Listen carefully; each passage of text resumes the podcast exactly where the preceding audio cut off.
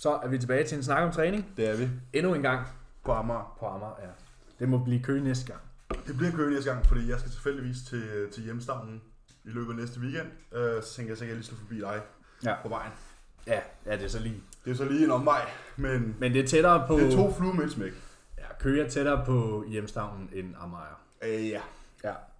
Nå, men øh, det har jo været endnu en uge i lockdown. Endnu en, en lockdown-uge, endnu en uge med forfærdelig meget computerspil, og øh, Ja.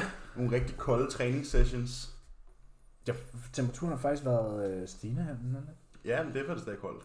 Ja, altså, det var jo minus 3 i starten af sidste, i slutningen af sidste uge. Ja. Sådan her fredag og lørdag, der var det sådan minus 2, minus 3 grader. Mm.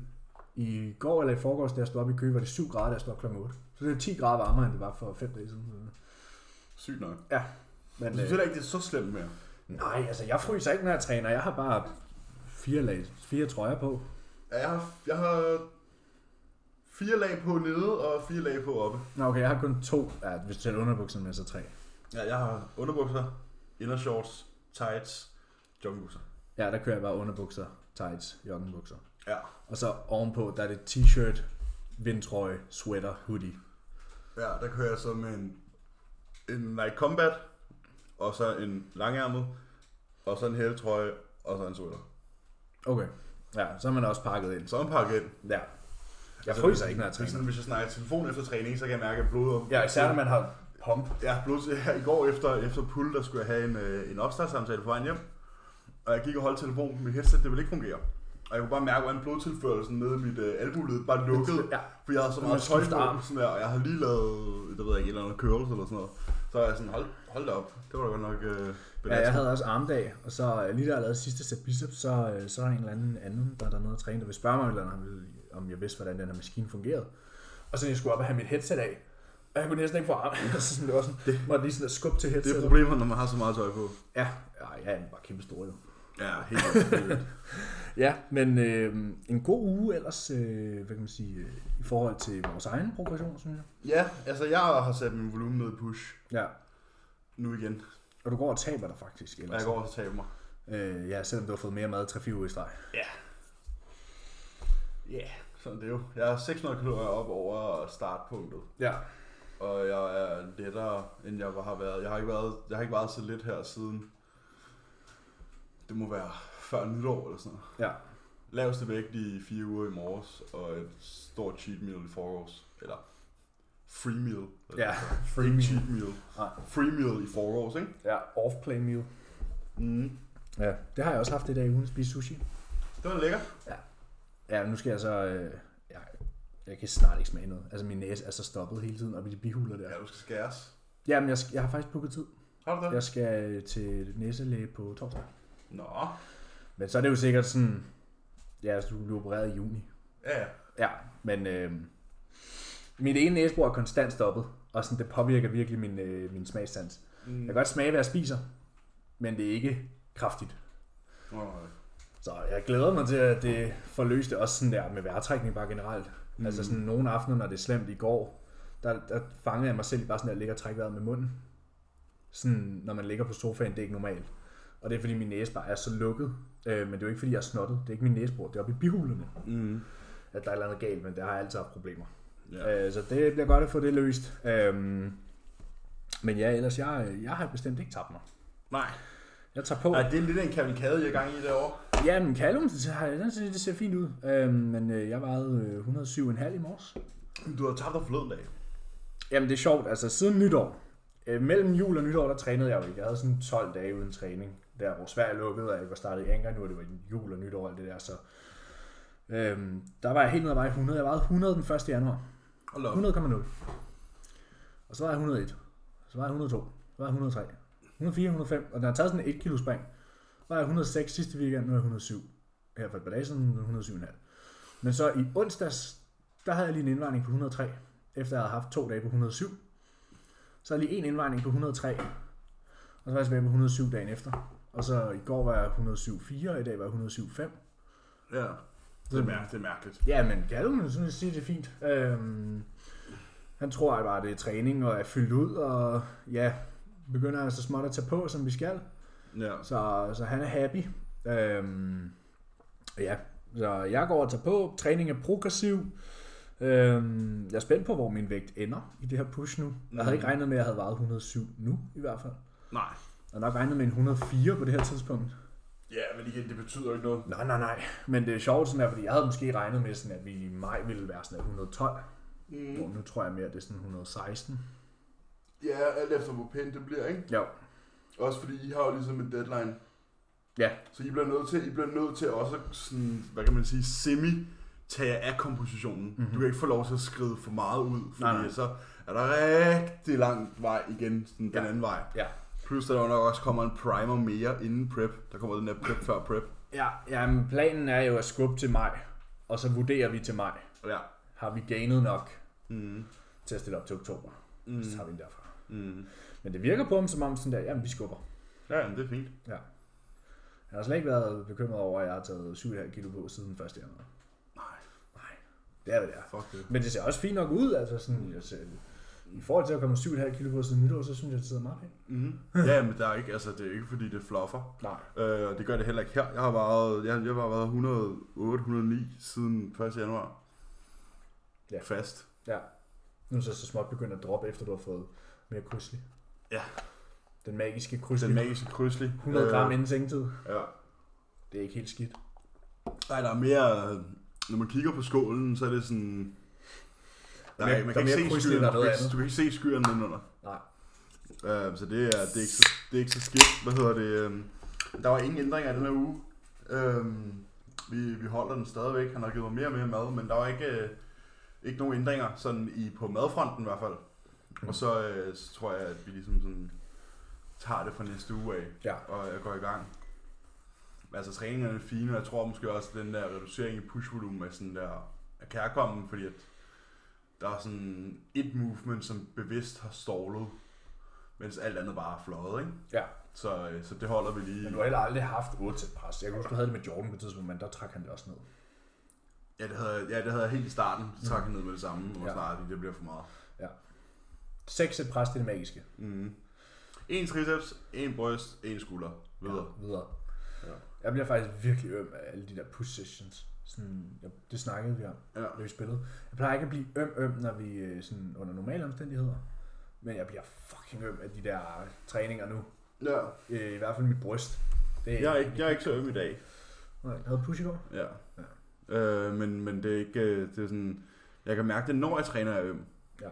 Jeg tror lidt, det er sådan, det er oppe i strækket, eller ja, jo op, altså sådan i bunden af bevægelsen, det kan mærke, at den sådan, Jeg bliver tight. at den tight oppe i toppen, ikke? Og jeg tror, jeg bare mærker, at jeg sådan, jeg trænger bare til at blive, øh, blive revet Ja. lidt i, sådan, og blive løsnet lidt op og sådan noget. Ja, men jeg har også tænkt mig at skrive til Anders.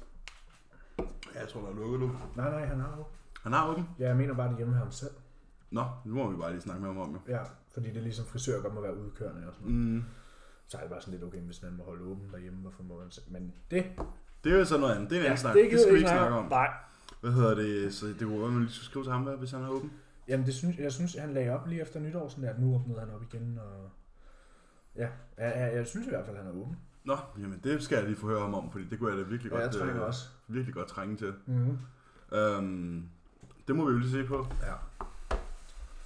Jamen altså, what else? Der er ikke, øh, der er ikke så meget andet. Det er jo, øh, vi er jo tilbage i, øh, der er jo ikke nogen, der prepper. Så Det er mere jo, en snak om gaining for tiden, end det er Ja, det er en snak om gaming. og gaming og gaming. ja, gaming og gaming. Det, altså, det, der, der, sker sgu ikke så meget. Det er meget monotont, synes jeg. Ja, det er det. Jeg bliver, jeg, vi har jo sagt det før, men altså, jeg er godt træt af det her. Ja. Altså, jeg synes, nogle dage, så, så er jeg helt op at ringe. Altså, mm. så har jeg virkelig gode dage, og andre dage, så er jeg helt nede i flad. Ja. Øh, men sådan tror jeg, der er mange, der har det. Jamen, I er ikke alene derude, hvis, øh, der var nogen, der troede det. Nej, men man kan jo sige, at tallene bliver jo bedre og bedre. Ja, Um, så, det er jo, øh, så det er jo meget godt.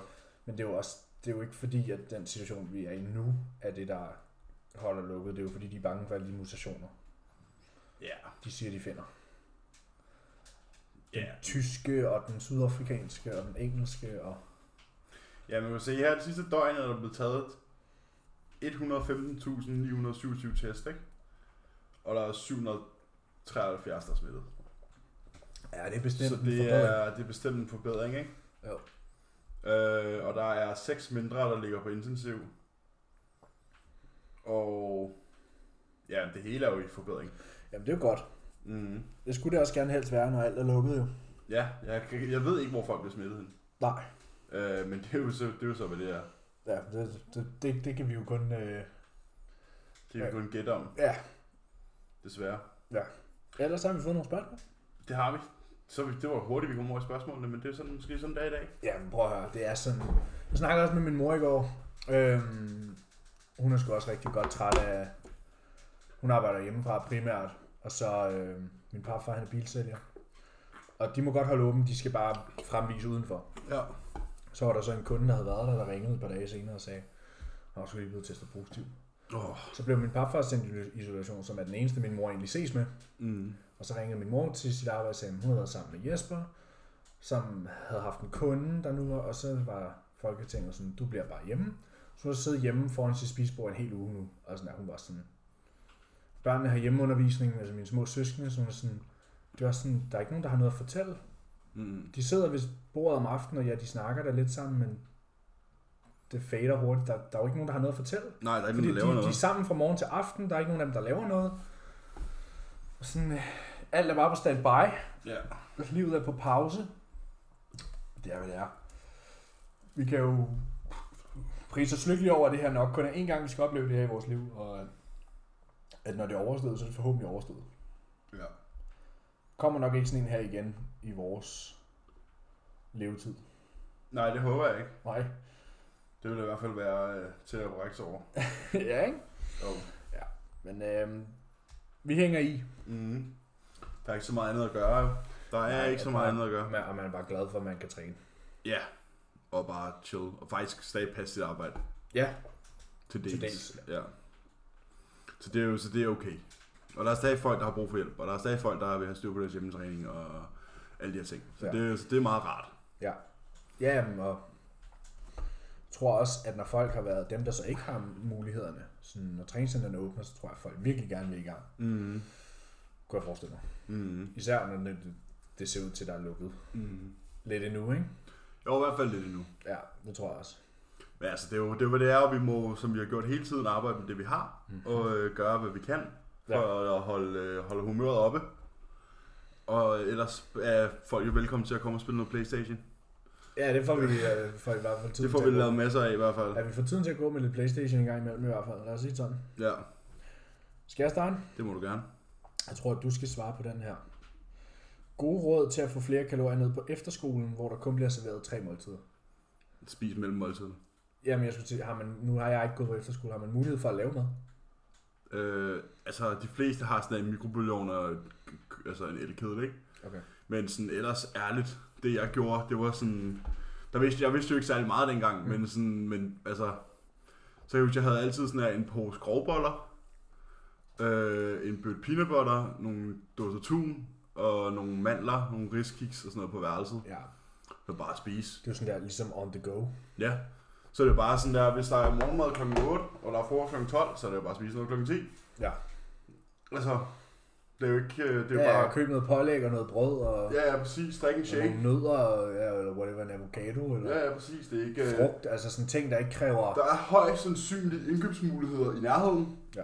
Øh, så det er jo bare at få det bedste ud af det. Ja, ja, ja og der er sådan, tag de ting, der ikke kræver, hvad kan man sige, cooking, mm. der ikke kræver tempereret. Jamen altså, boller, boller med pålæg og boller og en shake og en håndfuld mandler og sådan noget, det goes a long way. Altså, ja. Ja, køb en blender måske. Sådan. Yeah. Så er der jo havregryn proteinpulver. Ja, det er sgu ikke, øh, det er sgu ikke så svært. Nej. Og så er der også altid sådan noget, hvis der nu er sådan noget aftente og sådan noget, hvor der også er nogle boller og sådan noget, så er det jo bare at spise det også. Ja. Altså bare få det ind. Ja, det er det der, det, tøm køleskabet. Bare tøm køleskabet. Altså det er ikke, øh, der er ikke så meget i det. Og sådan, man kan også have tre måltider og, og bare spise igennem. Ja, ja. Det, er bare, altså, det handler om total kalorieindtag, basically. Ja, Altså, det er toppen af pyramiden, eller bunden af pyramiden, det er jo sådan en kalorier ind, kalorier ud. præcis. Det er det Så- vigtigste. Så hvis du bare spiser igennem, og så måske spiser en pre-workout snack, inden du skal ned i øh, efterskolens træningscenter og gøre det, Ja. så spiser du bare hvad, fire mysli bare og drikker en shake, det videre. Ja. Altså sådan, det, det skal ikke være så kompliceret. Nej. Hvordan mødte I jeres kærester? I byen? Ja, det er meget sjovt, når du er den, der gik mindst i byen. Ja. Ja, øh, det var... Øh, Sådan en øh, shots 1 krone på Tirol i aften. Jeg har sgu kun været, dem jeg har mødt i byen, har sgu kun været kæresten med et par timer, du. Jamen, det, øh, det, var, øh, det var torsdag i efterårsferien, der gik i 3G. Mm. Øhm, og var faktisk i byen for at fejre, at nu gad jeg ikke øh, damer mere. The irony. Ja, og så mødte jeg Gav. Øh, jamen, vi, øh, vi hyggede os øh, på klubben, og så, så, så dagen efter skrev jeg til hende, tak for i går. Mm. Så skrev vi sammen, så skulle hun på, hun skulle på øh, studietur til Frankrig i tre uger. Så skrev vi bare sammen, og da hun så kom hjem, så øh, huggede vi op, og så flyttede jeg to dage senere. Så har vi boet samme side. Ja, jeg tror, mig og Emilie, øh, hun skrev vel til mig i slutningen af juni, tror jeg. S- Altså, tror jeg, det er max. Ja, det var i Måske sommer. starten af, starten af juli. Ja, det er den omkring. Så tækker der lige en DM ind. Og hun sådan, så var hun sådan, hvad, hvad så? Hvad, hvad sker der med det her? Agtigt. Meget frisk, lidt meget ben i næsen, men det har hun jo. Øhm, Ja, hun har set, hun har set dig i træningscenteret. Hun har set mig træningscenter, øh, og så skrev vi sådan lidt frem og tilbage. Det var faktisk hendes veninde, der havde skrevet til mig. Spurgte jeg, var single. Så havde jeg bare så øh, flabet, som jeg bare skrev, jeg var i hvert fald ikke noget forhold. Øh, hvad det? Nå, men hvad skal det betyde? Så, jamen, altså, det betyder, at jeg ikke er i et forhold. Altså, sådan, den er vel ikke længere. Ja. Øhm, og så skrev Emilie til mig sådan, hvad, hvordan kan man ikke være single, men stadig ikke være i et forhold? Så er jeg sådan, okay, fair nok, fair nok. Fair nok. Fair nok, så, øh, så Lars sp- spillede vi lidt Mind Games 14 dage. Tid, højst. Skrev til mig, hvad så? Skal vi gøre noget ved det, eller skal vi bare gøre det her? Så var jeg sådan, jamen det er fint nok. Bare ses i weekenden så. Jamen så lad os gøre det. Og så gik der en uge. Så havde hun et sæt husnøgler. Og så kom jeg hjem på arbejde, og stod hun og tog opvasken. Rest is history. Så, så var den Og ligesom... så var øh, Lindling. så var Ling Ling øh, etableret. Ja. Øh, ej, så, så er der ligesom ikke, altså det er der ikke mere i. Det var, det var sgu rimelig hurtigt. Jeg tror, jeg gik 14 dage, så mødte mine forældre, og så var det det. Ja, lidt det samme med mig, sådan der, man ledte ikke efter det, det skete bare. Mm-hmm. Kom bare ind for højre. Ja. Øh, så det er egentlig ikke nogen øh, længere historie. Nej. Det var bare en hurtig, hurtig Instagram DM. Det er Og så, også... øh, altså, og så et par stramme tights og en øh, stram lyserød top nede i gym, som man har lagt mærke til, ikke? Så Jo, og et skæg, der måske var blevet lagt mærke til. øh, ikke fra hendes side af. Nå. Altså, jeg har ikke mærket, hun har jo ikke noget skæg. Nej, Jeg, okay, snakker, det om jeg hende, godt. jeg snakker om hende Det jo. ved jeg godt. Jeg du prøver at sige, hvad hun Nå, måske. nej, hun har lagt mærke til, at jeg så så sur ud. øh, det er jo også fair nok. Men så har hun tænkt, der må være, der må være, han, han må, der, Der, der er noget bag. han, er lidt, han er lidt mystisk, ham der. Hvorfor går han og ser så sur ud hele tiden, og virker som om han har så travlt og sådan noget. Det er ikke fordi, jeg, jeg er ikke sur, jeg har bare sådan en resting bitch face. Som sådan noget. Det, har Det er, når jeg. man træner. Det er, når jeg træner, sådan, så jeg, jeg render ikke rundt og socialiserer, når jeg træner. Jeg, jeg er i træningscenteret. Øh, og ikke så meget andet. Så, øhm, så I det er det, det kom fra. I zonen, ja. Ja. Øh, nu kommer det et af dine yndlingsspørgsmål. Ja, kom med det. Vil I forklare lidt om de forskellige klasser i til Olympia? Jeg tænker bare, der bliver ment i uh, NPC, IFBB. Forklar lidt om Til- de forskellige klasser. Til de forskellige, altså de forskellige hvad? Vi skal forklare, hvad de forskellige klasser er. Altså, altså divis- divisioner? Ja. Nå, jeg tænker, også klasser. Vægtklasser? Eller? Ja, klasser. Divisioner, jamen det er vel bare... Det, det, altså, det, er, det vel- ved, hvorfor ved folk ikke det? Jeg tænker, det er en, der gerne vil ind i sporten. Nå, ja, selvfølgelig. Øh, jamen, vi har jo først... Lad os starte med mændene. Nederst i hierarkiet, Mænds fysik. der har vi jo open bodybuilder. Øh, ultimativt dummeste. Øhm, nej, der har vi ikke nederst, men den første, den, sådan, den første klasse, man ligesom sådan kommer ind i, Ja, det er mænds fysik. den, hvad kan man sige, hvordan kan man sige det på en pæn måde? Øh, den mindst muskuløst krævende. Det er det. Ja, det er det. Er det. Det Det, er er, det, er, jo- det, er, jo- det er jo det, sådan resonemanget er. Ja, Det er og så de blevet- viser også Det kun er, så, halvdelen af det kroppen. er så blevet lavet om senere, kan man sige, fordi nogle de af de bare der? MK-drenge der. Øh, den mindst muskuløst krævende klasse, det er vel så bikini og mindst fysik. Ja. Øh, Øhm, I mænds fysik, der har de jo så badeshorts på, så de viser ikke lårene. Øhm, og de må ikke posere. De har ikke sådan faste poseringer, der bliver callet ud. De har sådan front bag side poses. mm, Øh, og det samme gælder bikini. Hvor det sådan, de poserer, men de må ikke posere posere. nej, de må ikke twiste det. Nej, de må ikke, øh, det, de har ikke front double bicep og øh, lat spreads og side chest og alle de her sådan, De har deres egne mandatories. ja, den der sådan stand proud Ja. posering, ikke? Ja. Øhm, og det, det er jo både mænds fysik og bikini, der er sådan. ja, det er egentlig mere en præsentation af fysikken, end det er en posering. Ja. Hvor i, mange, i de andre klasser bliver man dømt på enkelte poses. Mm. Øhm, så har vi øh, classic fysik for mænd, som vi stiller op i. Egentlig pretty much bodybuilding, men med en vægtbegrænsning i forhold til din højde. Og der er ikke alle poseringerne fra bodybuilding. Der mangler side tricep og lat spreads og most muscular. Ja, og moon pose. Ja, den må man så heller ikke vise. Det må man heller ikke Den lave nogen som helst Nej. steder. Og så vi tænker lige, vi kan toppe mænd af, så er der bodybuilding, Ja. som bare er bodybuilding. Ikke nogen vægtgrænse. Nej, det er bare freak showet. Ja, freak show. For damerne, der har vi så figure, eller som kendt på god gammel øh, DBFF, øh, body fitness. Ja, vi siger bare figure. Ja, figure. Mere muskuløs. Øhm, meget fokus på, hvad kan man sige, X-frame. Det er primært sådan, ja, mere conditioned end øh, bikini. Der vil man gerne se noget separation i benene. Det vil man ikke i bikini. Øhm, de har så nogle mere bodybuilding poses. De har både deres quarter turns og poseringer. Som jeg tror, de har front og back double. Det er women's fysik. Ja, men de har det stadig. Øh, har de? Det ved, det ved jeg ikke. Men de er i hvert fald mere muskuløse og mere shredded En bikini. end bikini. Men stadig feminine. Men stadig feminin, ja. Øh, det vil de jo gerne prøve at opretholde Mm. i alle klasserne, men man kan sige, Det bliver, Graden- lidt, det bliver lidt svært. ja, graden af, af feminins øh, aftager selvfølgelig øh, med mængden af muskelmasse. Ja, Der, mængden er noget andet. der, der, dernæst har jo, men det er jo ikke, øh, det er jo op til den enkelte. Ja. Og der, der kan folk se meget forskellige ud. Dernæst har vi women's fysik. Ej, der er faktisk lige den i midten, den der sjove fitnessklasse. Som er sådan en Nå, blanding ja. af figure, men så har de også sådan en performance, hvor de skal sådan der Ja, det er, lidt, danse. det er lidt ligesom athletic fitness faktisk. Ja, der, ja, i athletic fitness er det jo sådan noget roning. Og, Og det er jo en performance. Ja, præcis. Øh, men der er fitnessklassen, hvor de så har sådan en, de skal klædes ud, Ja, så Det er skal en koreografi. udsmykning og koreografi, Ja. ja. øh, og det er tit sådan noget med split og hop og saltoer. Og, Mm, flip-flops og... ja, og det er, sådan, det er halvdelen af det, og den anden halvdel, der har de også en øh, sammenligningsrunde, og de er cirka på samme størrelse med figure pigerne. Ja. Så er der women's fysik. ja, som er sådan...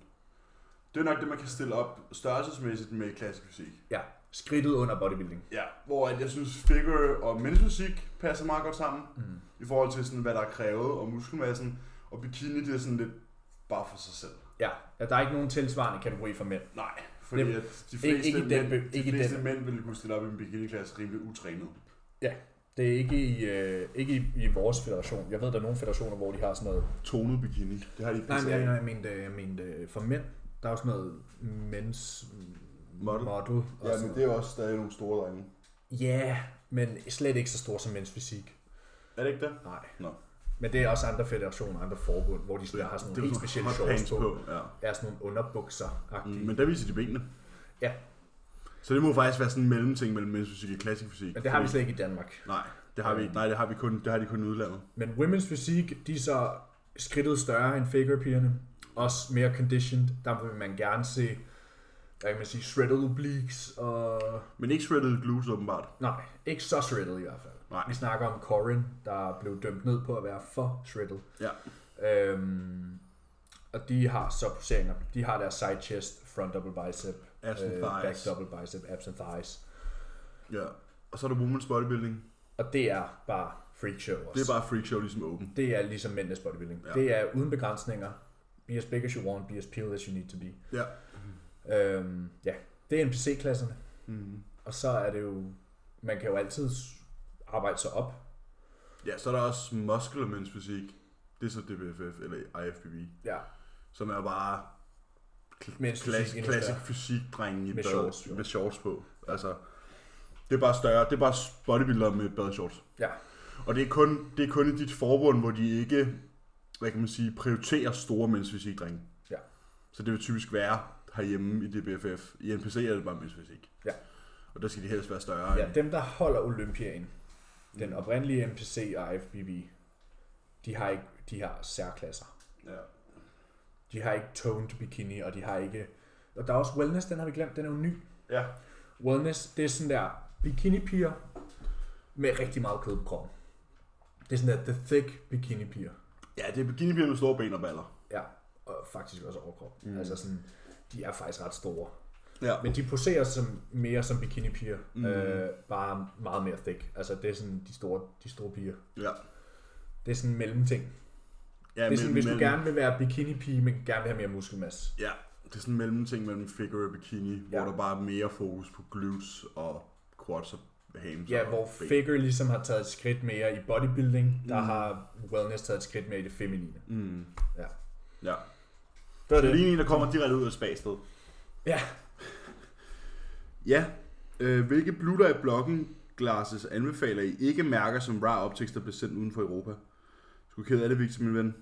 Men øh, jeg tror kun, vi kan anbefale Raw Optics. Ja, yeah, altså jeg har selv et par fra Blux, for eksempel. Øhm, jeg blev spurgt her den anden dag, hvor gode de er. Jamen det ved jeg ikke. Jeg har ikke fået dem testet, så sådan, Nej. det ved jeg ikke. Nej. Øhm, men jeg håber da, det er bedre end ingenting. Ja. Altså sådan, ellers så skal man jo gå den helt dyre vej. Ja, ligesom jeg har gjort. Eller Ja. som Emilie har gjort for mig. Ja. Ja, det er lækkert med, med en kæreste, der er optiker. Ja. Og får meget vilde rabatter. Ja. I hvert fald. Ja, sådan Ralph Lauren. Jeg har været på nye bullerblogs på vej til mig. Lavet, lavet til mig. Med hvad end der kunne puttes i af ekstra og perks og alt muligt lækkert. Ja, sådan den ultimative loadout.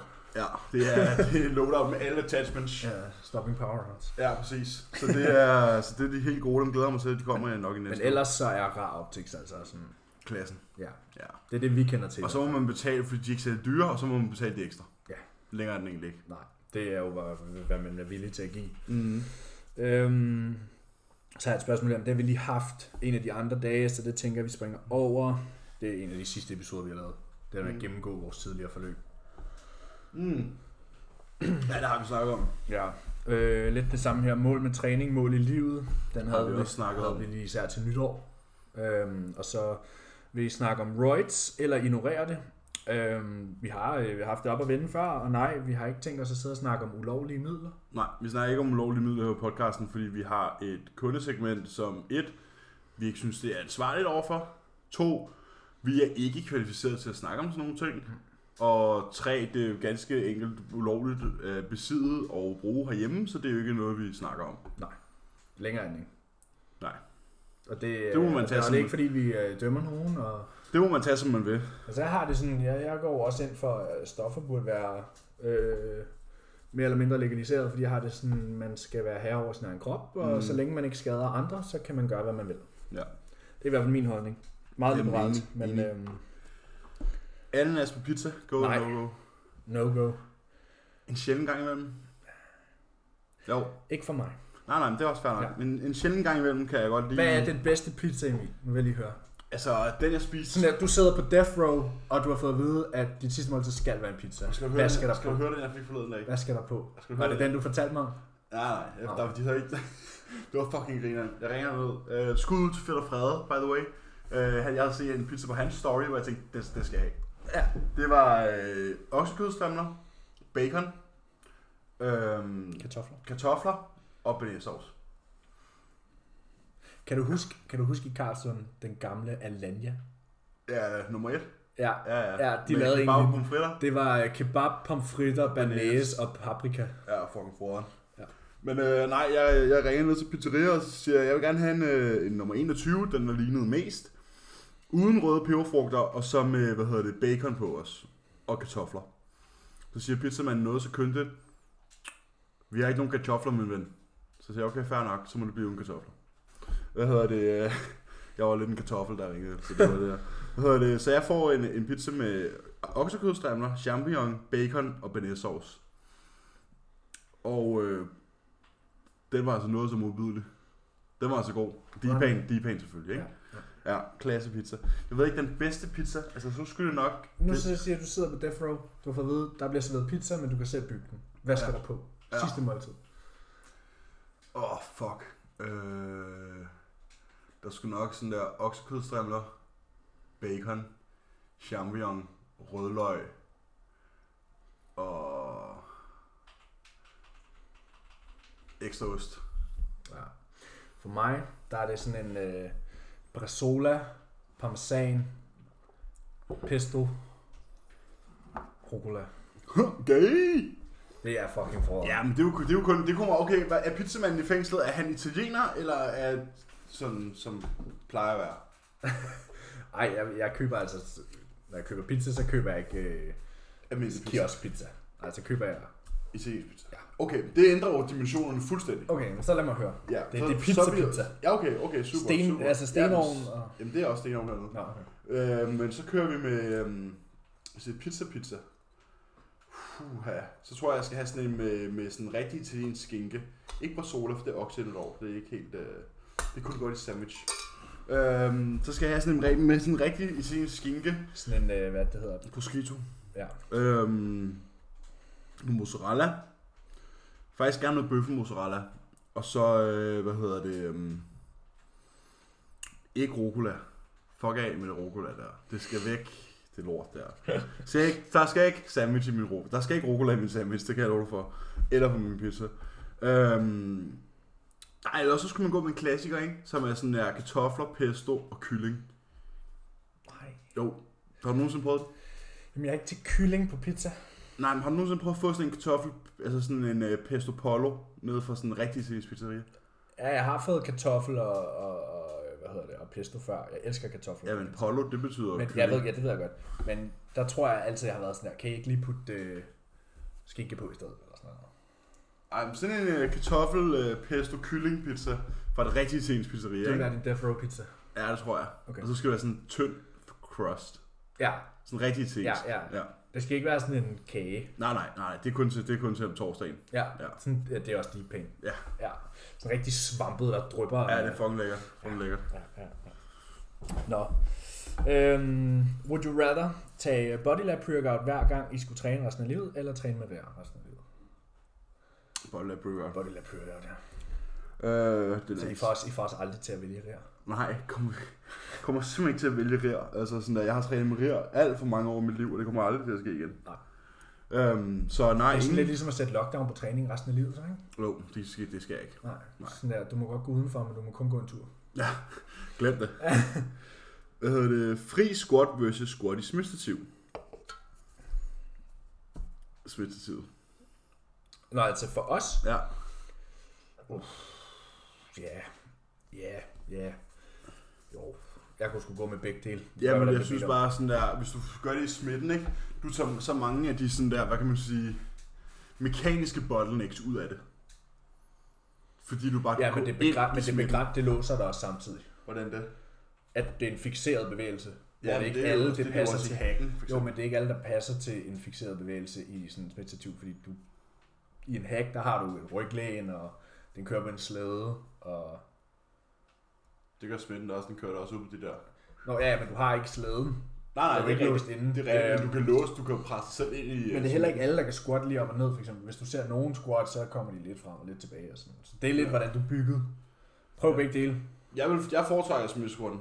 Ja. Ja. Og så gerne med fødderne placeret foran mig. Lidt ligesom i en hack squat Men nu er der heller ikke nogen af os, der er fremragende squatter. Nej, Altså, jeg kan godt squatte. Men, Jeg skal- skal, jeg, jeg jeg skal- vælger gerne hack squatten i stedet. Jeg skal Øh. squatte om to timer, og jeg er fucking dreading it. Ja. Jeg gider ikke. Men altså, det skal gøres. Øhm, jeg fik Ja. også en, øh, en note den her uge, at øh, Callum synes, min quads og min biceps så mere fyldt ud. Så det var super fint. Det er jo luksus. Det var jeg glad for. Det er især det med armene. Ja, det var rart. Ja, det kan jeg. Øh, så, det, så det var super fint, så det må kunne et eller andet, det der free weight squat. Jeg, jeg, jeg har nået 45 cm på armen. I hvert fald den højre. Jeg har ikke målt den venstre. Man måler kun den højre. Men højre overarm, den er nu 45. Jeg vil måle venstre, hvis det var mig. Nej, det er sgu ikke nogen, der gør. Men den er størst. Nå, ja, okay, fair nok. Det, det, det er min venstre ikke. Nej. Min højre er størst. Uh, 45 cm ned.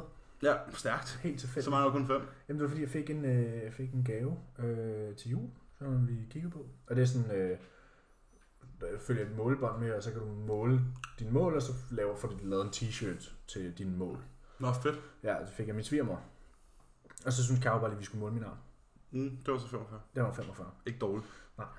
Så jeg kunne godt droppe Især den når anden sidst man målte den i marts, var den 43. Så. Ja, så kunne jeg godt droppe den anden dag der. Nej, nej, nej, nej. De skal, de skal op på 48 jo. Skal op på 48. skal op på 48 50. først, og så 50. Ja. 48 er næste delmål. Ja. Det var smistetid. Ja, Ja. ja. ja, altså jeg har det sådan, hvis du er en fremragende squatter, så gå med fri. Ja. Men det kommer jo an på programmering igen. Hvad prøver du at begrænse? Hvad, hvad er målet? Ja. Jeg foretrækker smitten i hvert fald, personligt. Ja, jeg, har også, jeg kan godt lide Smith Squatten også. Mm. Jeg havde dem også på program længe. ja. Øhm, De er ikke så skidt endda. nej, men når jeg har Pendulum og jeg har Hagen, så, Så er der har ingen, Hagen, ingen grund til det. så ser jeg ikke nogen grund til det, nej. Nej. Men mindre de begge to lige pludselig stålede, eller whatever. Ja. Ja, ja, ja. Nå.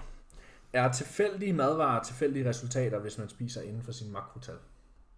Så er din kost stadig ikke tilfældig. Nej, Altså sådan men der, sådan... Ja, det kommer jo an på, hvad du vælger.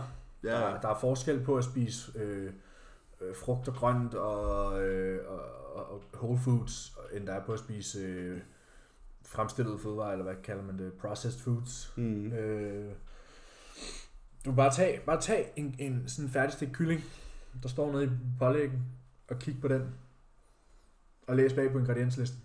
der er mange e-numre i. Ja, og det har vi også spørgsmål om. Mm.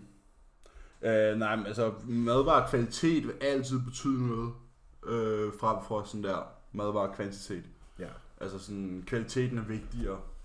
Ja, fordi det, altså, det er jo ligesom sådan der, det er ligesom sådan, okay, ja, man skal tage omega-3 tilskud fiskeolie, men hvis du går ned og køber den til 30 kroner nede i, øh, i Superbrusen, som de sælger, altså, der har jeg hørt fra for eksempel Joe Bennett, han er sådan der, prøv her, hvis I køber sådan noget billigt bras, meningen af omega-3 er jo, at det skal være antiinflammatorisk. Ja. Men hvis kvaliteten af fisken er så ringe, og den har haft det så dårligt, så kan den faktisk være inflammatorisk. Mm. Så det Præcis. tilskud, du prøver at tage for at være anti-inflammatorisk, Ja. faktisk med at være mere inflammatorisk. At den er pro-inflammatorisk, Ja, fordi for anti-inflammatorisk. Fisken er så dårlig. Ja, præcis. Så øh, kvalitet te- har meget at sige. Ja, så er det også bare sådan, altså, det har altid noget at sige. Mm. Også i forhold til bare dine almindelige madvarer. Ja. Ja. Hvis du skal have æg til morgenmad, så går du heller ikke ned og køber sådan en færdigt lavet scrambled eggs. Nej, Hvis, øh. hvis man kunne det. Altså Ej, sådan, det det gør du klart. heller ikke. Altså, sådan, det er også, der er jo mange ting i det. Mm. Og pludselig, når du selv laver maden, så ved du, hvad der er i. Du ved, hvad for nogle madvarer, der er blevet brugt. Og du ved, hvordan de er blevet behandlet. Mm. Ja, ja, men det er bare det der med, når du køber noget, der er færdiglavet og skal lavet til at kunne holde sig. Du ved godt, hvis du steger et kyllingbrystlæg i køleskabet, så, så er det ikke godt efter 10 dage. Nej. Men sådan det, du åbner i supermarkedet, eller køber i supermarkedet, der er færdiglavet, det er jo lavet til at kunne holde sådan en måned. Ja, hvis ikke mere. Ja, præcis, og det er jo fordi, der er alt muligt i. Mm. Øhm, og det er jo ting, man ikke vil få i, hvis man nu bare lavede tingene selv. Præcis. Så det er, de her E-numre og tilsætningsstoffer og dit og dat, de er jo, de fremkalder inflammation i kroppen. Øhm, kroppen skal også skille sig af med dem. Det stresser jo. Det tager jo på, hvad kan man sige, at din, hvad hedder det, an- antioxidanter, at de skal bruge energi på at skille sig af med det. Øhm, så at begrænse det øh, så meget som muligt er en god idé. Mm. Men som vi sagde tidligere, kalorier ind, kalorier ud er det overall, og sådan, Mhm. det kommer an på, hvor, hvor meget man selv er villig til. Det er jo ikke sådan, at det, at det, er jo ikke sådan, at det færdiglavede kyllingbryst ikke tæller Nej. i proteinen. Nej, nej, nej, nej. Det gør det, men det er, sådan, det er bare måske ikke så smart, alle de ting, der kommer med.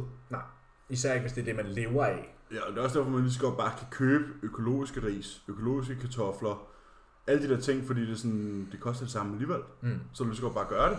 Ja, det sagde jeg faktisk også i min YouTube-video. De der, jeg køber ikke alting økologisk. Jeg køber kraftet med økologisk kylling, og sådan Nej. noget der, hvor prisen den er Ej, det er ikke holdbart. stukket helt af. Det er ikke Men sådan der, lige præcis sådan der, min kiwier, mine bananer, mine kartofler, min ris, min smør, sådan nogle ting, æg, det er øko. Mm. hvor prisforskellen er minimal. Fordi det er sådan, okay, men hvis det er 50% af min kost, der bliver økologisk, så, så er det jo 50% mindre Mm. ras, der følger med. Ja. Jamen enig, enig, jeg er fuldstændig enig. Altså det er sådan, jeg ved for eksempel, mine rødbeder, mine kartofler, mine æg er økologiske, ikke? For Ja. eksempel. Og min ris er også økologiske. Kylling er ikke økologisk, fordi Det, det er ikke holdbart. Øhm, men de bliver heller ikke sprøjtet med alt muligt. Jeg tror også, sådan der, når du køber dansk kylling, sådan, når jeg har været i USA, der har jeg ikke taget den billigste kylling. Nej. Fordi det, det er klart. Ja. Så Og det er sådan, så lige pludselig er et kyllingbryst på størrelse med et kalkunbryst, ikke? Ja, præcis. Og så vejer det kun 100 gram bagefter alligevel. Ja. Ja. Så, så der, er det sådan, der tager jeg det, der ligger på det danske prisniveau, når jeg er i USA. Mm. Men altså, hvis du det- kan begrænse det, Enig. så er det en god idé. C4 pre-workout, go eller no-go, nu hvor den er så populær. Jamen, det er jo fordi, grunden til, at den er populær, det er jo fordi, der engang var en, en, en sød lille ingrediens i, der hed øh, DMAA. Nej, C4. Ikke Jack 3D. Var det ikke også i C4? Nej. Har det ikke været det? Nope. Nå, så ved jeg sgu ikke, hvorfor den er populær. Det ved jeg heller ikke. Jeg tror bare, det er en OG. Det er, at den har været her længe, men der har ikke været DMA. Er det ikke sådan en øhm, gold standard-agtig? Du ved, ligesom det alle kender gold det standard. Jo, det, jo, det er det. Det er cellular.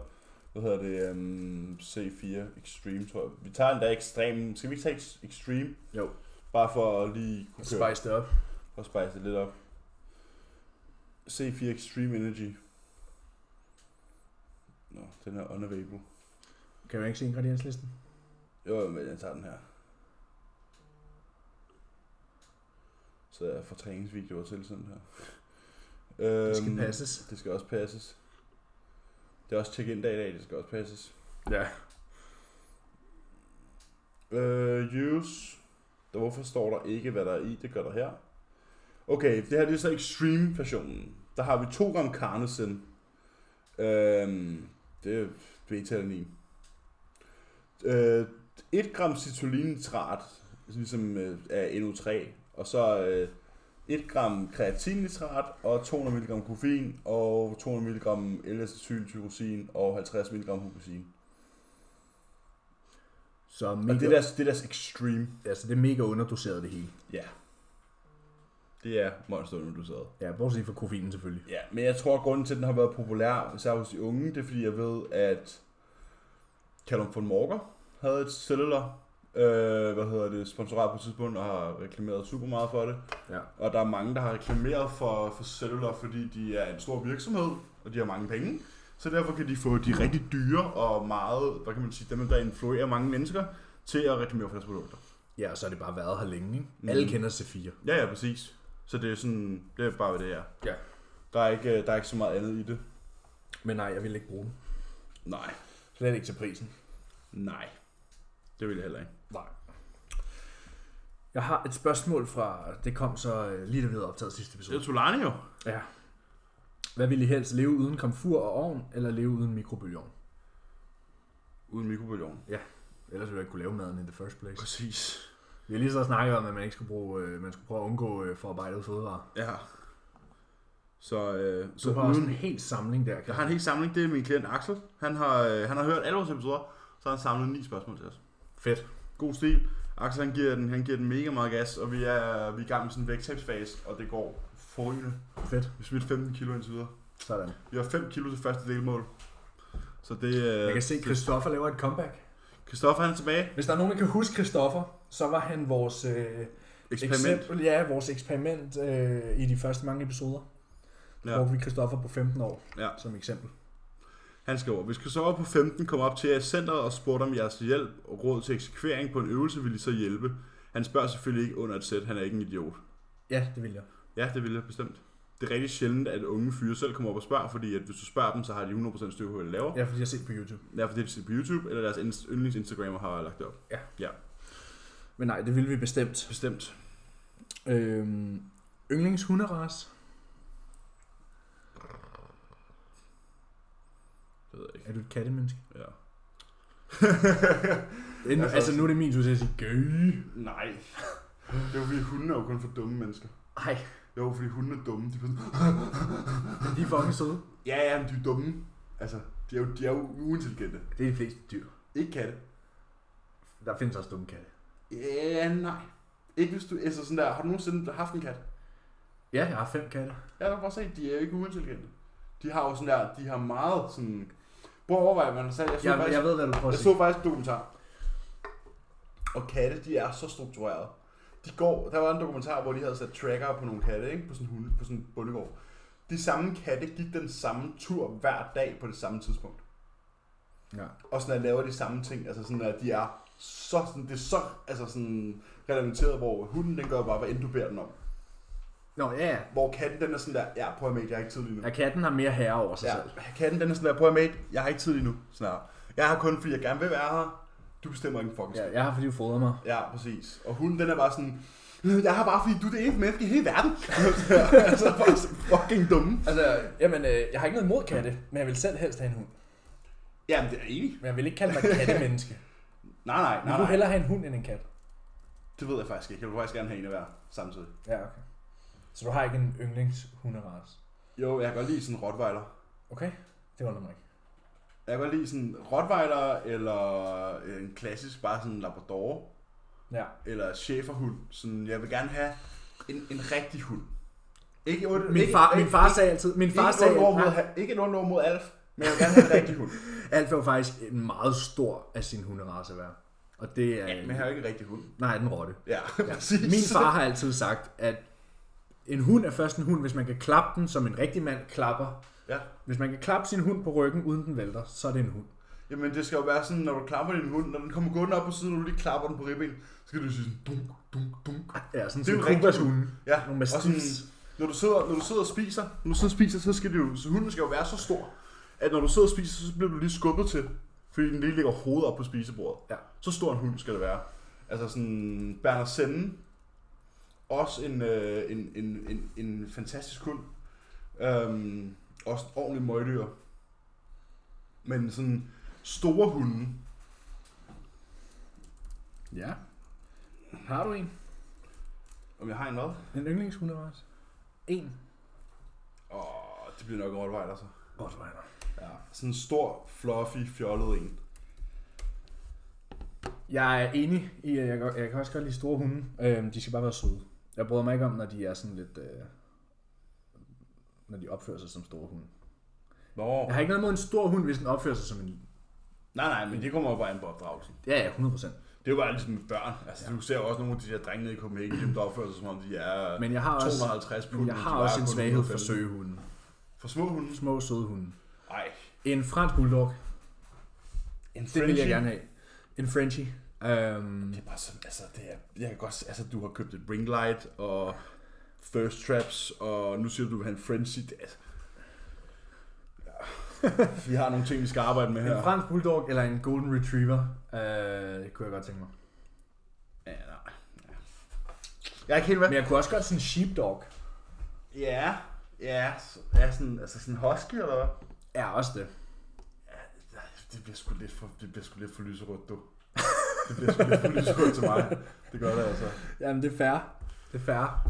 Der skal være en ejer til alle hunde. Ja. Men øh, sandsynligheden for, at jeg får en hund eller en kat, er jo... Minimal, for du kan ikke tåle en skid. Jeg er monsterallergisk. Ja. Men, øh, men øh, det, jeg reagerer... Altså for sådan som alt, ham kan jeg godt tåle. Ja. Jeg kan godt reagere på ham nogle gange, men det er meget mildt. Ja. Hvor andre hunde... Jeg ved, i Kavs familie er der en broholmer. Aner ikke hvad. Nej, det er broholmer. Det er en gigahund, bro. Er det det? Gigahund.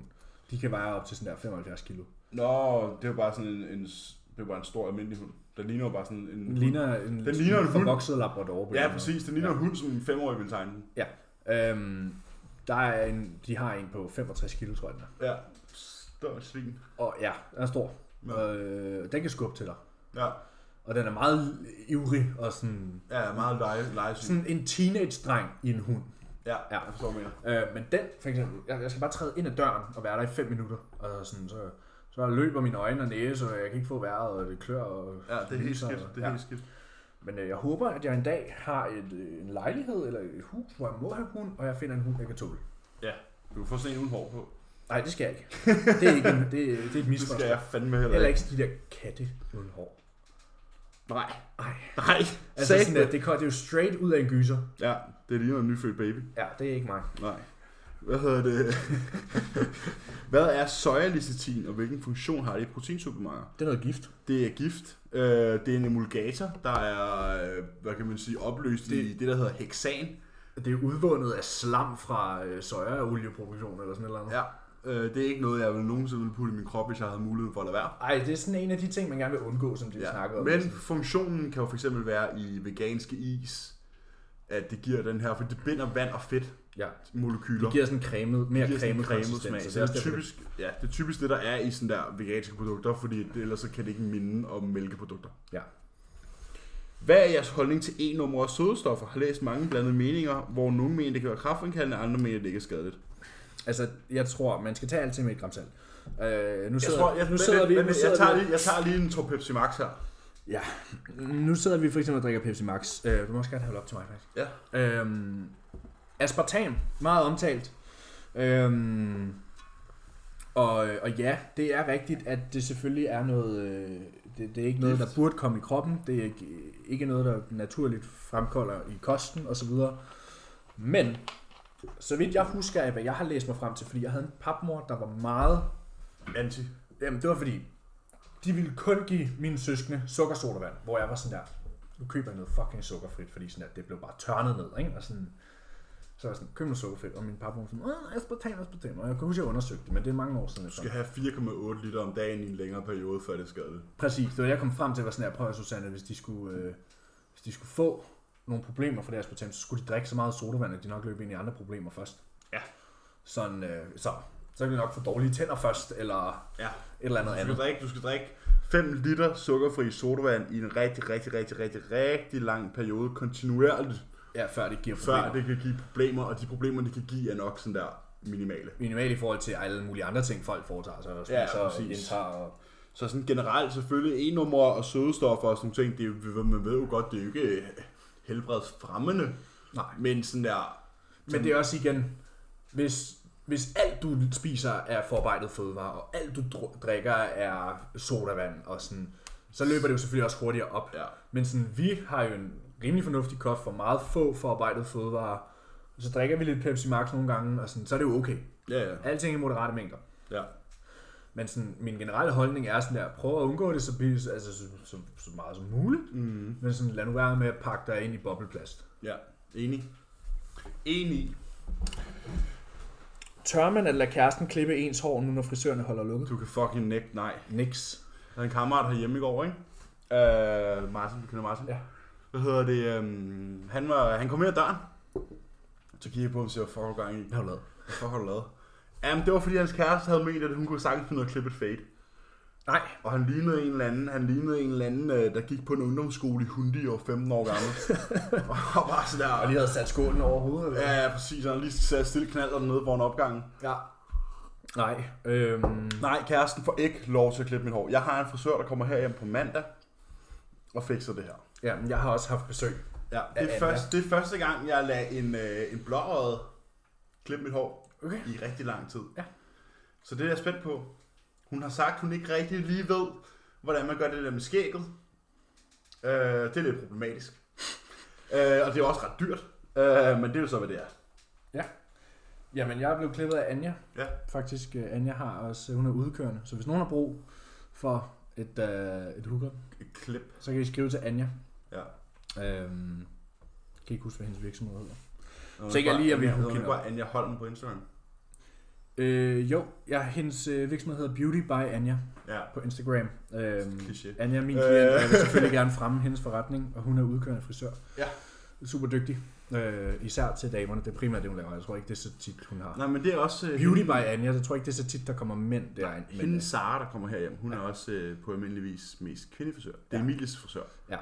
Øh, men øh, vi prøver. vi tager chancen. Ja, og ellers så... Det værste, der kan ske, det er, så, så tager man med Så tager jeg Carsten Ja. igen. Det gjorde Ja. jeg også sidste lockdown. jo. Ja. ja jeg, synes faktisk, jeg rykkede det faktisk okay godt. Jeg synes faktisk, det, det kunne et eller andet. Sådan, det var... Ryk lige karse og, stu og mus. Ja, men det gør jeg også. Det er benhårdt. Det bliver benhårdt. Ja. Kommer til at ligne en patient. Nej, men jeg skal... det? Karo får ikke nogen saks i hånden og får lov at øh, øh, trimme mit hår. Det eneste hår i mit nu trimmer her, det er det, jeg har på ryggen mellem batterne. Så er det sagt. Ja. Ja. Er det, er det min tur? Nej. Det ved jeg ikke, er det? Nej. Hvor langt vil I tage jeres bodybuilding? Hele vejen? Så langt som muligt. Ja. Så langt som det giver mening, lad mig sige det på den måde. Ja, selvfølgelig. Jeg har altid sagt, at bodybuilding for mig er noget positivt. Øh, noget, jeg laver en karriere ud af, pt. Øh, noget, jeg gerne vil fortsætte med at lave en karriere ud af. Ja. Det er min hobby, min passion, min livsstil. Det er sådan, jeg er kommet så langt ind i det her nu, at sådan, jeg kan slet ikke forestille mig, at jeg skulle lave noget andet. Nej. Sådan, hvis jeg øh, var ude for en ulykke og øh, blev lam og skulle se rullestol, så øh, jeg ville slet ikke vide, hvad jeg skulle lave. Nej.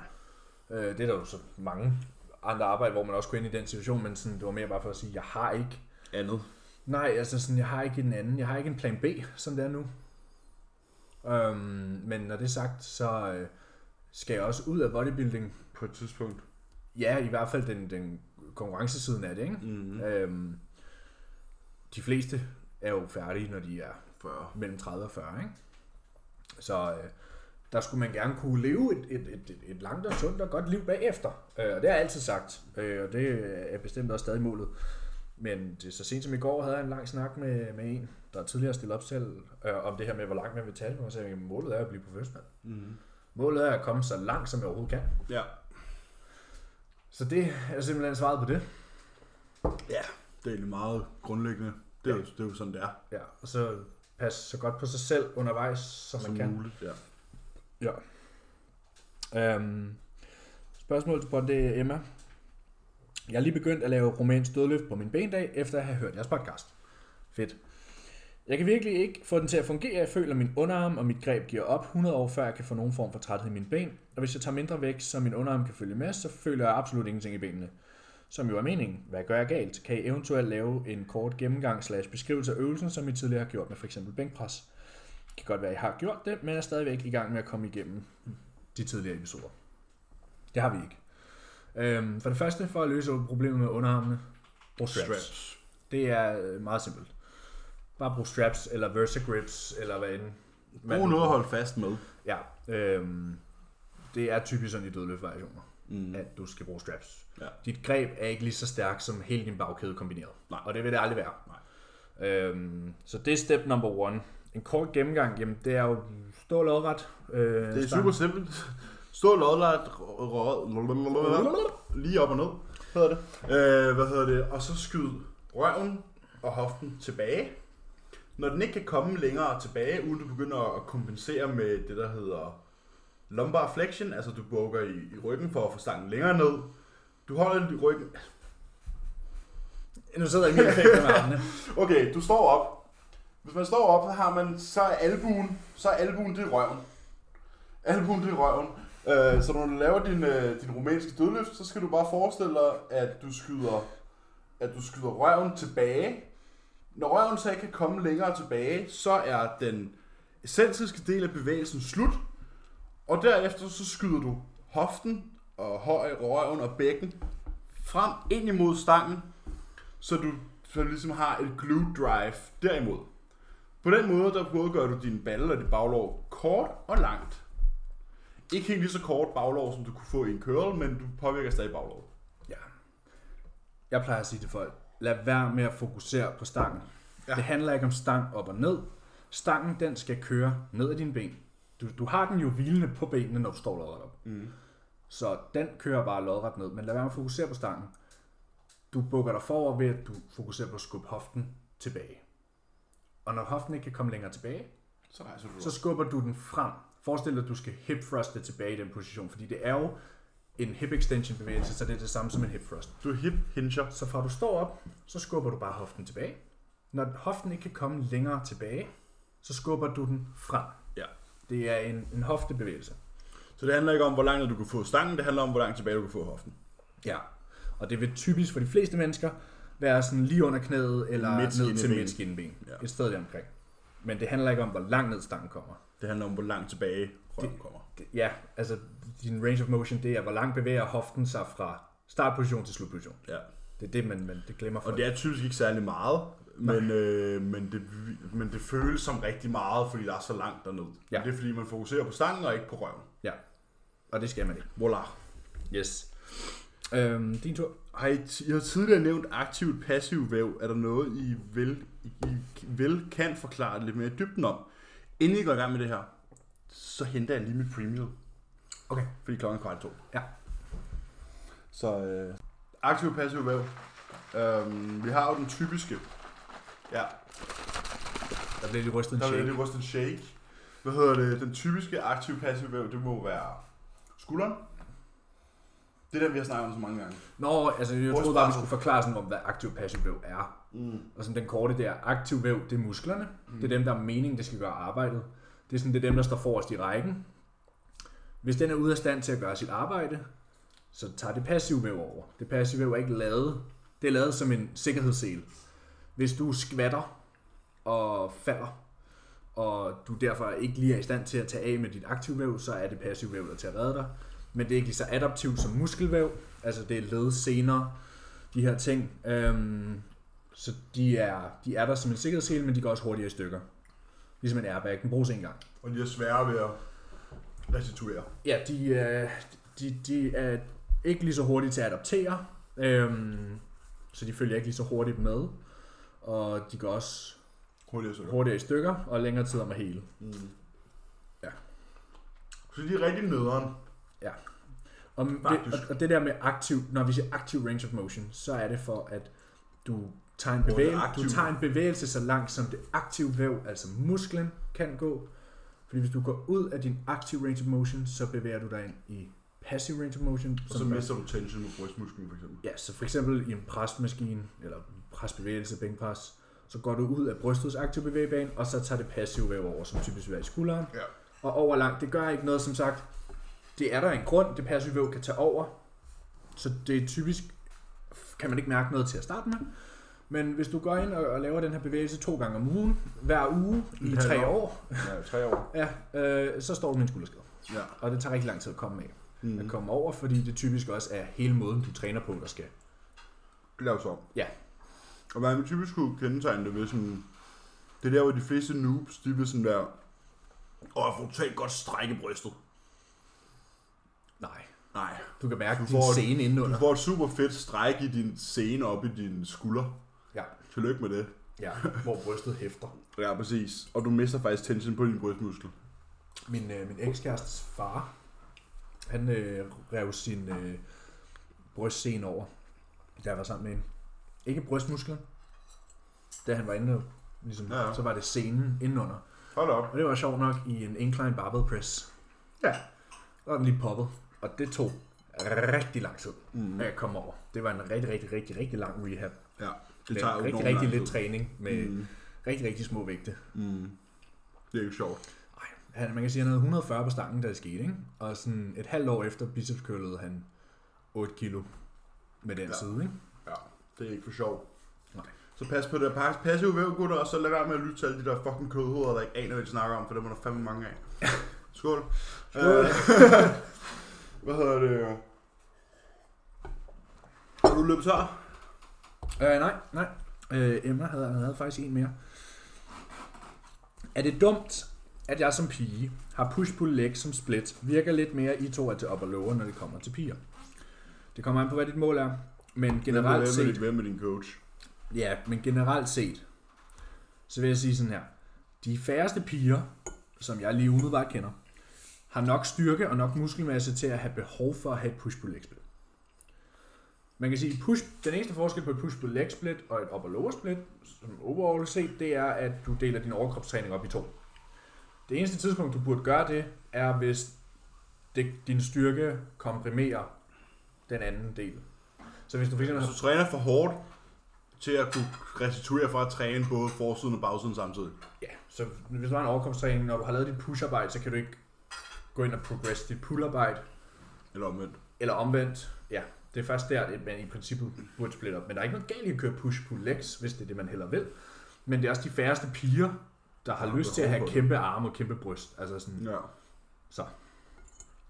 Ja, ja, altså enig, men man Der er kan ikke noget, der er sige- dumt. Nej, nej, man kan så sige, måske, Så længe man kan hvis man stiller op i en klasse, hvor at en antagerkæde er prioriteret, kan man så træne push pull legs. Ja. Figure for eksempel. Figure, ja. Eller alt andet end Bikini. bikini og wellness. Ja. Ja. Men øhm, det kommer også an på, nu, tror jeg ikke vedkommende stille op. Mm. Øhm, og sådan tror jeg bare at træne for hyggen, og så er det jo også sådan, jamen den måde du kan lide at træne på, er vel den bedste for dig så. Ja. Men rent optimalt set, sådan der, jo mere frekvent du kan træne, jo bedre. Mm. Jamen, jeg er fuldstændig enig. Fuldstændig enig. I know you are. Jeg vil gerne finde ud af, hvem coach var. Jeg tror ikke vedkommende har en coach. Nå. Nå, okay, fair nok. Det var også hende, der så sagde, hun var jo- begy- det var også Ja, hende, der skrev, vi jo lige smack talk lidt, ikke? det var også hende, det var også hende, der havde skrevet, hun begyndte at lave romansk dødløft, efter hun havde hørt vores podcast. Ah, ja, okay. Nå, fair nok. Altså, jeg vil nok...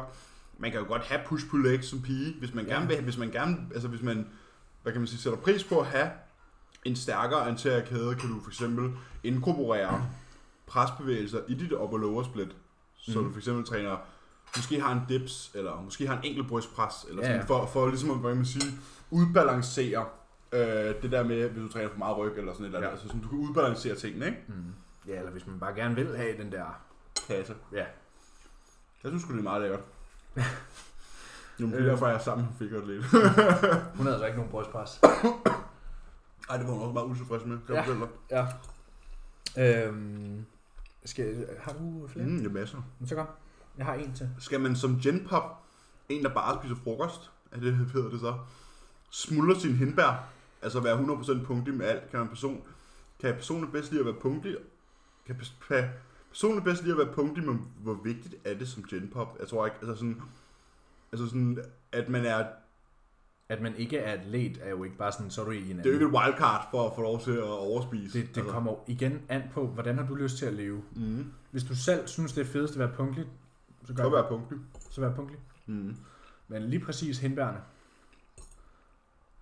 Det er altså kun i prep, det sker, kan jeg så sige. Altså der er det sådan der, jeg fjerner ikke et hindbær, hvis der ligger 102 gram. Det gør jeg i prep. Ja, i prep. Der bliver nu jeg nazi. Gør, nu gør jeg ikke. Der bliver jeg nazi. Nej, nu er det sådan der, okay, der, nå, der var 47 gram i stedet for 50. Sådan noget. Ja, altså jeg har sådan med min blåbær, så er jeg 99 gram. Og der så bare lander sådan en mastodont af et blåbær, så er der 106. Så sådan, nå. Ja. Okay, det er lækkert. Ja, ja. Det er jo sådan der, kom on. Altså. Men igen, det er jo op til en selv. Ja, men man vil selv bestemme om, hvor, hvor sygelig man vil være. Mm. Men Det er jo nok ikke det, der er make or break, at du Nej. fik 2 gram hindbær mere. præcis. Men i prep, der bliver jeg meget fanatisk. Ja, der, der, der har jeg det bedst med bare sådan der. Mhm. Mm. Alt. Alt er lige præcis, som det skulle være. Ja, jeg vejer min ketchup og sådan noget også. Det gør jeg ikke. Nej. Jeg bruger det bare ikke i stedet for. jeg lader bare være. Jeg bruger bare taco sauce. Ja. Øhm, altså det der med, hvor vigtigt det er som genpop, det er jo sådan lidt, altså det bliver jo ikke Det mindre ikke vigtigt, bare fordi du ikke stille. Det bliver jo ikke mindre vigtigt, bare fordi du ikke stiller op. Nej, altså genpop er jo ikke bare sådan der, det her, det er genpop. Genpop, det, når vi siger genpop, general population, så mener vi jo bare folk, der ikke er atleter. Men der kan jo også godt være folk, der ikke er atleter, som stadig vil. Ja, som Agerer har som atlet, atleter. atlet mindset. Det Og, er så, bare folk, der ikke stiller op. og det, kan, det, kan, det kan være Karen, der skal tabe 40 kilo, eller det kan være Christoffer på 15 år, der gerne vil tage 30 kilo muskelmasse på. Ja. Personligt kan jeg sige, at jeg har nogle i går så en genpop atleter, der vil få de fleste atle, atle, atle, genpop klienter, som får de fleste atleter til at ligne tøsdrenge, ikke? Præcis. Aha. Ja. Så genpop eller ej, det er ikke, det er ikke sådan et, et niveau, eller en sværhedsgrad i et computerspil. Nej. Det er bare sådan, stiller du op, eller stiller du ikke op? Det, det, det, er ikke, det er ikke andet end det. Sådan, det er ikke fordi, du kan putte alle folk, der ikke stiller op i en kasse. Nej, nej, præcis. Øhm, ja. Det er nok nærmere bare dem, man, dem der stiller op, man stiller i en kasse. ja. ja. Det er lidt nemmere. Mi- Minoriteten. Ja, præcis. Øhm, det er Nils Mm. fra Sønderjylland. Nu har Neller. En eller. Ham ser jeg jo en del til i øjeblikket, fordi at øh, vores træningsvideo var hans øh, kammerat Søren. Og der kan man høre Nellers øh, noget så fantastisk charmerende sønderjyske rust i baggrunden. Kom nu! Ja. Så det sætter jeg stor pris på. Jeg kan også lige se det røde hår, der stikker ud under hættetrøjen der. Det er Ja. fantastisk. Han skriver, Jeg kører jo full body lige nu. Jeg progresser ret vildt i alle mine løft, og især i mine presøvelser, hvor jeg tidligere har skulle kæmpe for progression. Dem smider jeg pt 5 kilo ekstra på nu for hver gang, og jeg matcher ofte reps fra sidste gang. Hvis det bliver ved sådan, er det så et tegn på, at jeg skal fortsætte med full body, når centrene åbner? Det, det er der kun én her, der kan bestemme. Er hans coach. Jeg er vi faktisk, øh, Niels er desværre i den situation, at han mistet sit arbejde, Nå, så er han på pausen. og derfor, ja, så lige skal spare nogle penge. Han Ikke? er på bænken. Så jeg tror, at Niels han vil gerne have noget vejledning herfra. Ja, øhm, altså... Det er jo sjovt som... Vil sige, progression og progression. Men hvor meget er der så samlet progression i volumen hen over ugen? Ja, Hvis du kun... en hvis ting du- er push. Ja, en ting er push, hvor du måske har 8 sæt, sæt anterior bryst, altså kæden. Men noget andet er full body, hvor du måske kun har to sæt tre om ugen. Så hvis din volumen er blevet sænket med 25%, så er det jo klart, at du restituerer mere, fordi du laver mindre. Ja. Altså, så, så det er jo også sådan lidt, det er jo også, det er jo også kig, okay, hvad min sådan akkumulerede volumen, om jeg akkumulerede sådan workload hen over en uge på den her brystmus, altså på den her kæde, Ja. jeg arbejder med. Fordi at hvis du laver halvt så meget, Så er det klart, du kan så er lave det mere. klart, du kan lave mere. Eller sådan Ja, altså, skubbe mere, mere. Fordi du flytter faktisk, du laver faktisk mindre. Ja, altså hvis du kun havde et sæt bænkpres hver femte dag, Ja, så er det klart, at det ville begynde at progress mere, end hvis du havde tre presøvelser hver femte dag. ja eller to presøvelser hver anden dag. Ja, præcis. Så, så sådan, som Emil siger, Der, jeg, der findes faktisk, jeg tror, der findes nogle apps, der regner, jeg tror, Joe Jeffrey og Callum bruger sådan nogle apps. Mhm. Øh, workload. ja, der regner total volumen ud over Mhm. ugen. Og det er jo sådan, progressive overload sker jo faktisk kun, hvis det totale volumen over ugen stiger på den kæde. Så, øh, så, så det er ikke ens betydende med, at fordi du træner full body, så, så er det derfor, din løft stiger. Det kan jo være, fordi du netop har fire sæt pres tre gange om ugen, i stedet for at have seks sæt to gange om ugen. Mm. Altså, Så det er et spørgsmål om frekvens Ja. og restitutionsevne. Ja. Øhm, holder I jeres døgnrytme i weekenden, eller går I sent i seng og sover længe? jeg holder den. Hvad er weekend?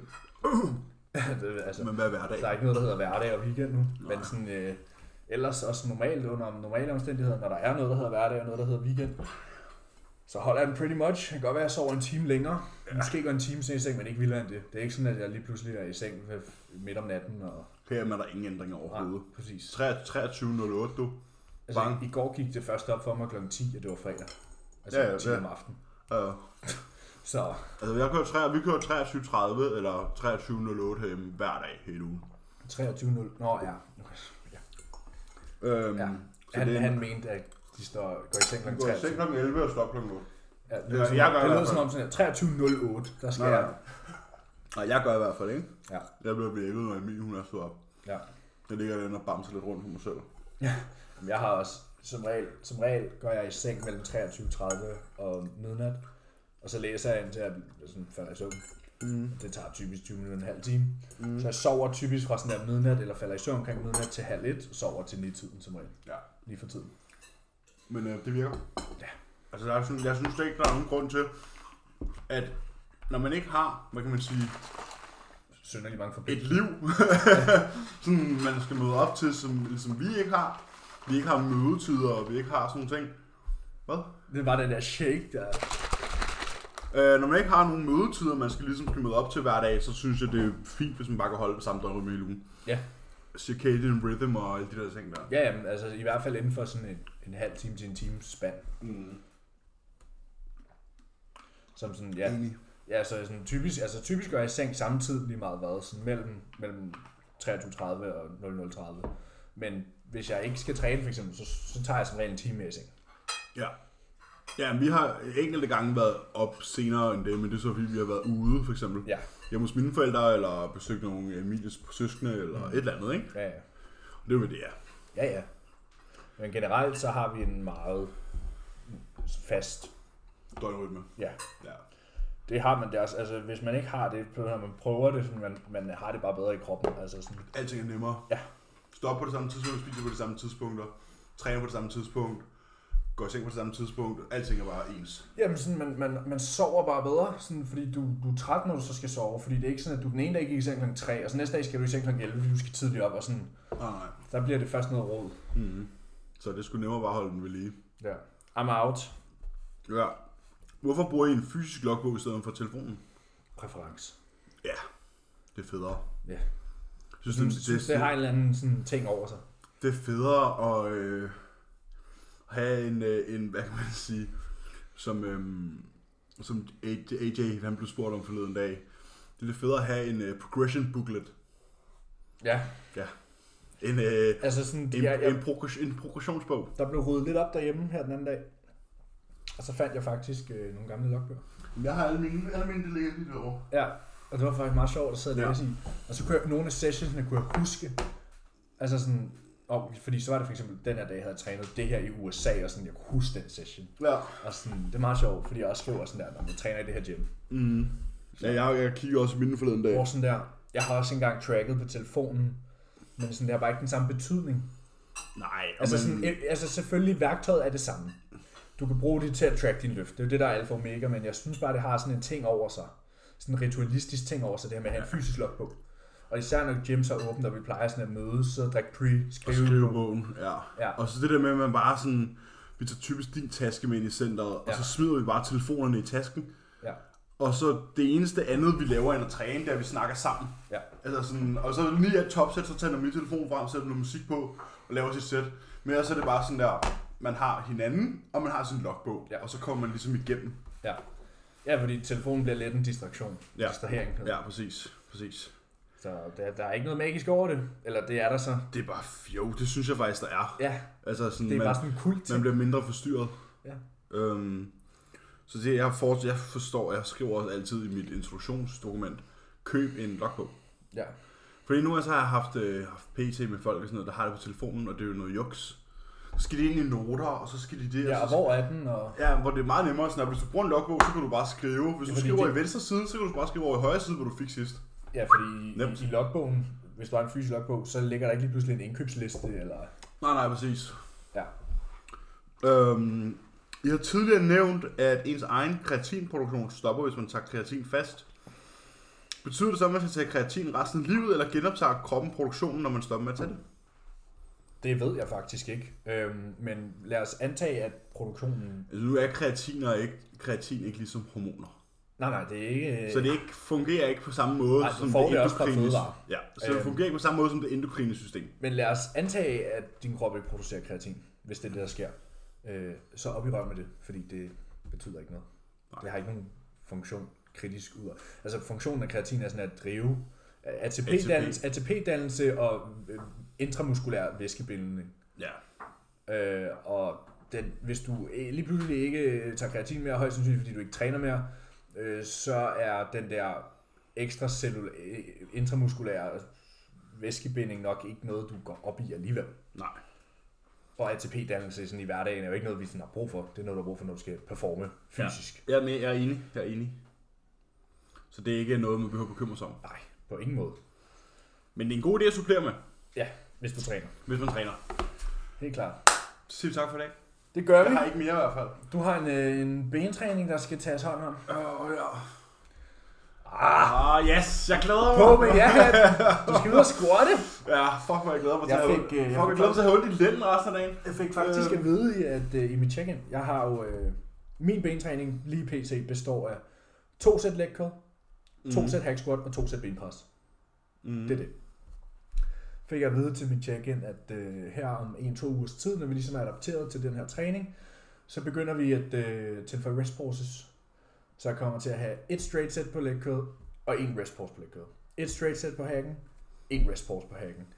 Et straight set på benpres, og et rest pause på benpressen. Og jeg var sådan her, hvor er du sadistisk? Hvor er det nederen? Hvor er du sadistisk? Sådan ja. der, de her sessions fucker mig op i forvejen. Og ja, den session fucker mig op. To curl, to hack, to benpres. Ja, yes, det er det nok. efterlader mig i skraldespanden. Ja. Mm, enig. Også selvom det er udenfor, og det er vådt, og det er koldt. Ja. Jeg skal også... Ej, ja. Ja, men ja, sådan er det. Jeg har, jeg har den om to dage. Ja. Ej, jeg har heldigvis hviledag i morgen. Nej. Jeg skal ikke lave en skid i morgen. Det er søndag. Emilie er fri, og jeg har hviledag. Bare chill. Jeg skal træne arm i morgen. Nej, så det er også bare hviledag for dig jo. Ja, og så mandag, det er så ben. Ja. Ægte mandag. Ja, rigtig mandag. Jeg har pull. Øh, Jeg har og- faktisk været pisse uheldig med vejret. Hver gang jeg har skulle træne push eller pull, Mm. har vejret været fint. Du ved, som i, det har ikke regnet. Ja, ja. De sidste to gange, jeg skulle træne ben, som jeg, jeg træner kun ben hver 6. dag, og det pisse regnet. Og sådan øh, rusten, du ved, den der stang, man sætter skiver på på Ja. hakken og på benpressen, og det der træ, man sætter skiverne på, og Ja. stængerne, der begynder at komme rust. Og når det regner, så er det der rust, det er fuldstændig flydende. Det er over det hele, og det smitter af, og du kan ikke få det af. Der er rust alle steder. Det er fantastisk. Ja. Man, man bliver så glad. Ja, Men heldigvis har vi mulighed for at træne. han blev bare så glad. Han blev bare så glad. Ja. Tak, tak for i dag. Tak for i dag, vi ses.